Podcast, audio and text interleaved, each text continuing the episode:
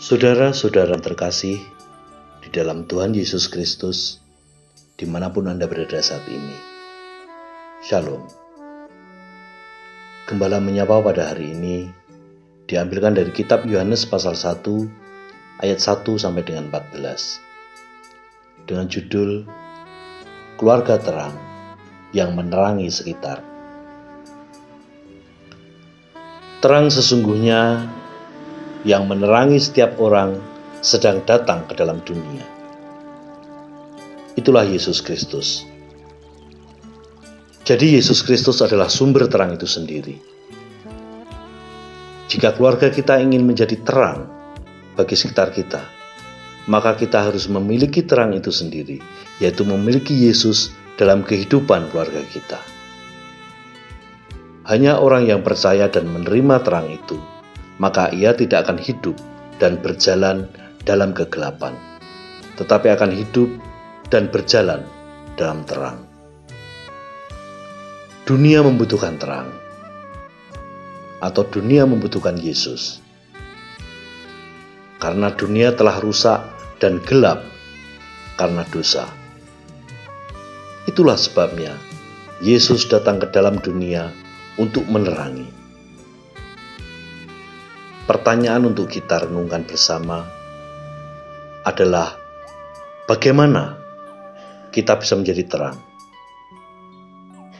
Konkretnya bagaimana? Pertama kita secara pribadi harus memiliki terang itu. Memiliki Yesus di dalam diri kita.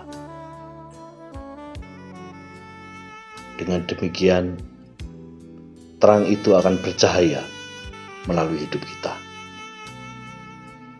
Kedua, secara konkret dalam kehidupan keluarga adalah hubungan yang harmonis antara suami istri, antara orang tua dan anak, akan menjadi contoh bagi orang-orang di sekitar kita. Perkataan-perkataan yang positif, membangun, menyejukkan, memotivasi, bersyukur, selalu akan menjadi berkat bagi orang-orang di sekitar kita.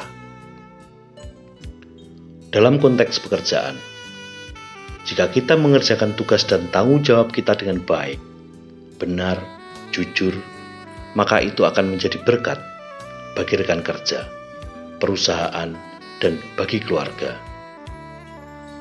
Dalam konteks bisnis dan usaha, jika kita menjalankan bisnis dengan jujur, memperhatikan etika, norma-norma bisnis, dan tidak keluar dari nilai-nilai iman Kristen, maka itu akan menjadi berkat bagi rekan bisnis, bagi orang lain, dan bagi keluarga.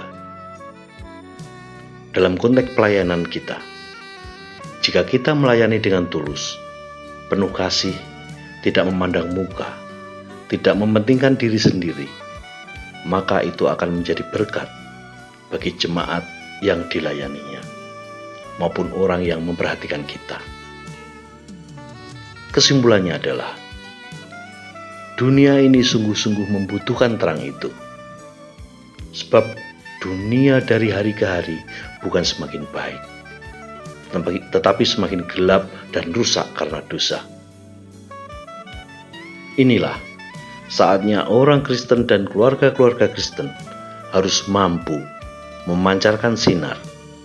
Meskipun sinarnya itu kecil, tetapi Tuhan memampukan kita semua untuk tetap bersinar di tengah-tengah dunia yang gelap ini. Tuhan Yesus memberkati. Amin.